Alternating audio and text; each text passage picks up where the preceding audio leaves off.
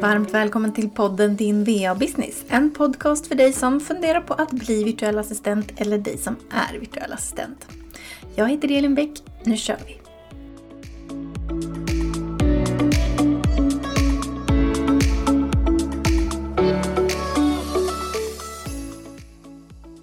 Hej och varmt välkommen till ett nytt avsnitt.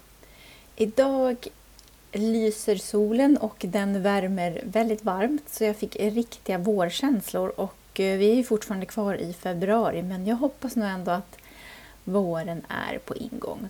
Vi har fortfarande lite snö kvar där jag bor men den kommer ju smälta bort ganska fort. Så som sagt, jag hoppas nog ändå på lite vår här inom kort. Vad säger du? Är du också sugen på lite vår nu? Är du också lite trött på vintern kanske? Men idag ska vi snacka lite företagande. Som företagare har man ju ganska många hattar på sig. Man får göra väldigt många olika delar i sitt företag. Speciellt om man kanske väljer att göra allting själv och inte tar hjälp av någon. Eh, och det är ju lite det vi virtuella assistenter är till för, att kunna avlasta och hjälpa till. Men även vi som virtuella assistenter behöver ju sköta företagets alla olika delar. Och Det här kan ju vara lite, lite svårt som ny, men även som, som etablerad företagare eller man har hållit på länge så behöver inte det betyda att man kan allting och alla delar för ens företag. Eh, och det behöver man verkligen inte kunna heller. Eh, det finns ingenting som säger att du inte kan ta hjälp av någon med vissa saker i ditt företag.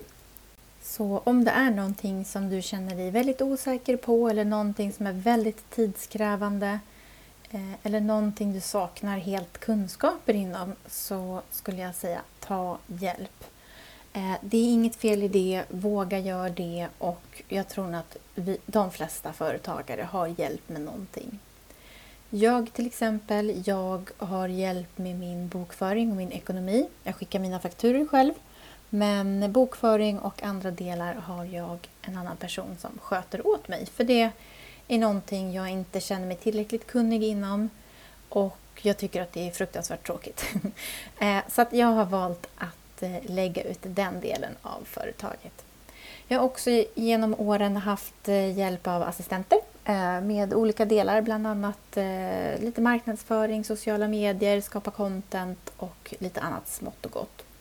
Och nu kommer jag ju också få en kollega då jag har anställt en person som kommer att eh, ta lite större del i företaget och göra lite flera uppgifter så att vi kan få företaget att växa men också så att jag ska få en kollega att arbeta tillsammans med. Det ser jag verkligen fram emot.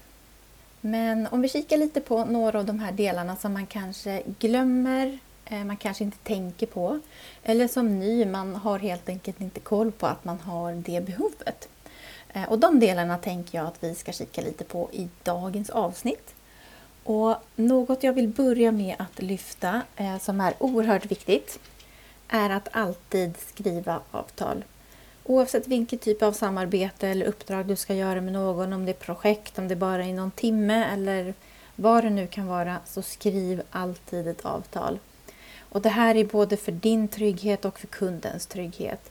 Men också så att man vet hur man ska gå tillväga om det händer någonting, om det inte blir som planerat. Eh, kunden kanske inte betalar sin faktura, vad det än kan vara så vill man ha ett avtal på samarbetet, hur det ska gå till, vad det ska kosta, vad som händer om man inte betalar sin faktura eh, och alla delar som kan vara aktuellt för just det samarbete ni ska göra helt enkelt. Och det går nästan inte att vara för tydlig i ett avtal. Hellre att man har för mycket information i avtalet än för lite skulle jag säga.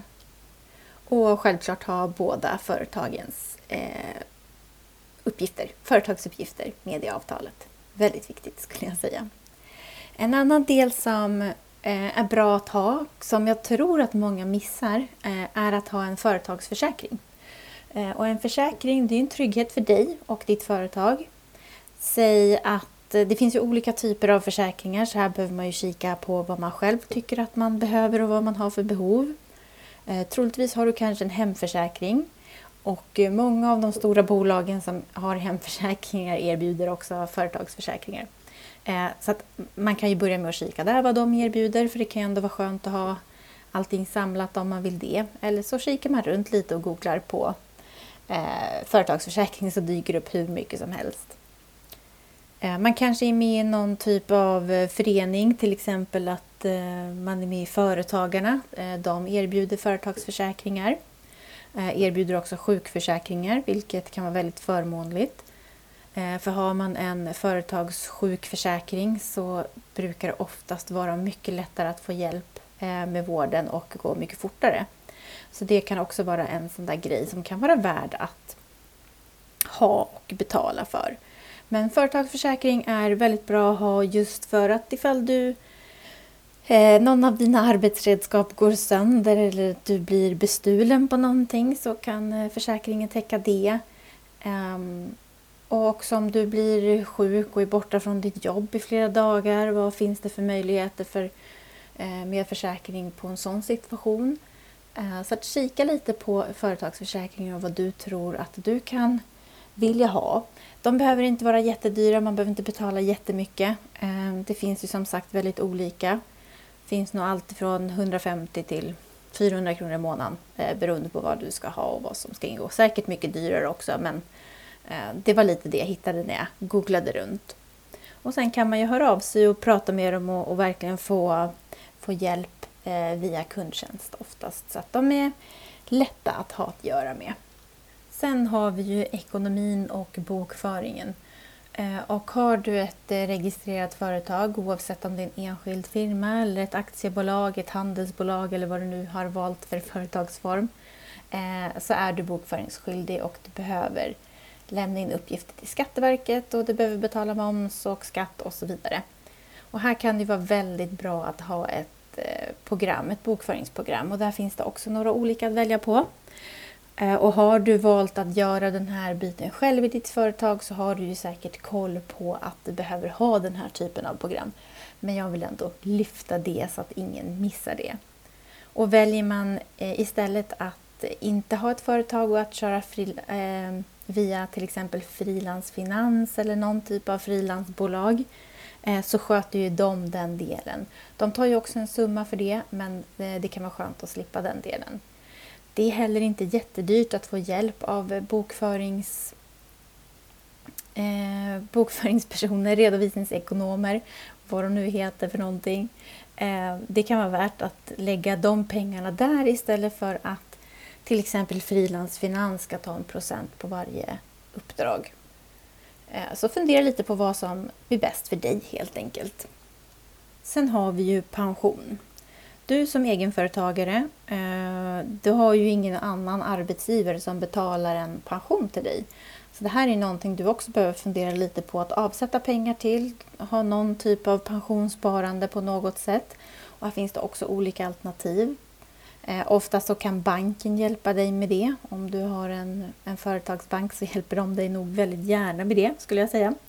Det behöver absolut inte betyda att du ska använda dig av banken. Men det är ett väldigt bra alternativ. Om man känner sig lite osäker så kan man få hjälp med det. Eh, har du till exempel um, du sparar fonder eller köper aktier eller så i någon till exempel Avanza eller så så kan man också välja att ha um, du behöver inte ha det idag men, men du kan välja att ha tjänstepension via ett sådant bolag också. Att du sparar i fonder till exempel. Men just för din ditt pensionsspar. Så det finns lite olika alternativ där. Men oftast någonting som många eh, små egenföretagare glömmer bort att det, det behöver man också lägga undan lite pengar till helt enkelt. Vad har vi mer då som man kan behöva ha lite koll på när man driver företag? Eh, det är även GDPR, dataskyddsregler. Så här behöver du vara noggrann med att alla personer som kontaktar dig, eh, till exempel via ett formulär på din hemsida eller vad det nu kan vara, så behöver det finnas information om hur du samlar in personuppgifter, på vilket sätt de lagras och varför du behöver de uppgifterna. Så du behöver i ditt företag skapa en dataskyddspolicy som finns tillgänglig på till exempel din hemsida och som alla kan läsa just för att få reda på hur du eh, jobbar med personuppgifter. Och det här är en lag eh, som finns så att det här är någonting du behöver kika på och det här är någonting du behöver ha koll på. För att kunder behöver också lämna ett samtycke till att, det ska, att du ska lagra deras personuppgifter till exempel. Eh, så att läs på lite om GDPR och vad det innebär och betyder och vad du behöver ha i ditt företag för att göra rätt ifrån dig helt enkelt. Det var de delar jag hade tänkt att lyfta i dagens avsnitt. Just sådana där kanske lite mindre roliga delar i ens företag men ack så viktiga. Så för att sammanfatta det lite kort. Vi har pratat om att skriva avtal, väldigt viktigt när du har någon typ av samarbete eller uppdrag med ett annat företag. Vi har pratat om att ha försäkring för ditt företag. Eh, det är ju självklart också viktigt att ha en personförsäkring eller vad man nu väljer att ha. Men eh, nu hade vi fokus på företagandet såklart. Så att en företagsförsäkring eh, kan vara väldigt bra att ha. Vi har också lyft lite pensionssparande. Något som är viktigt för ens framtid. Och vi har pratat väldigt kort om GDPR och att du behöver eh, ha lite koll på det och läsa in dig på det helt enkelt. Bokföring, eh, väldigt viktigt att du har koll på din bokföring, att du betalar in rätt skatt och moms och allt vad det innebär. Eh, och känner man sig lite osäker på någon av de här delarna så tveka inte att ta hjälp av någon. Eh, det finns väldigt mycket hjälp att få där ute helt enkelt. Så stort lycka till!